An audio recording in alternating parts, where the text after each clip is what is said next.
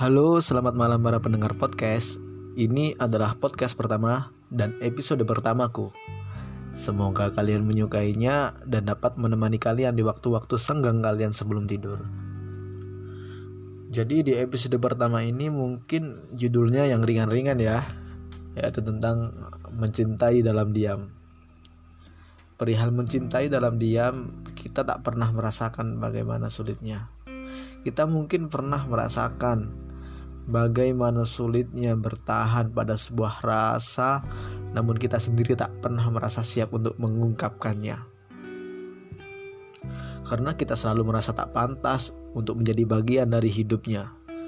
Kita sendiri yang seakan merasa tak memiliki cukup kapasitas untuk memilikinya.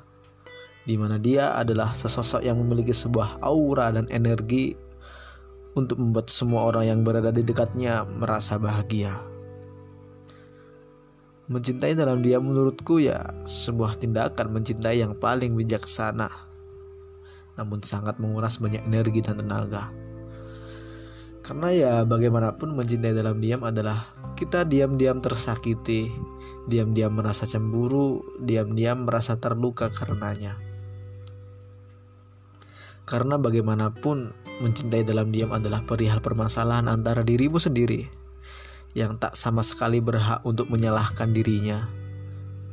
So, poinnya adalah jadikan dirimu siap akan penolakan-penolakan karena itu adalah bagian dari resiko mencintai seseorang.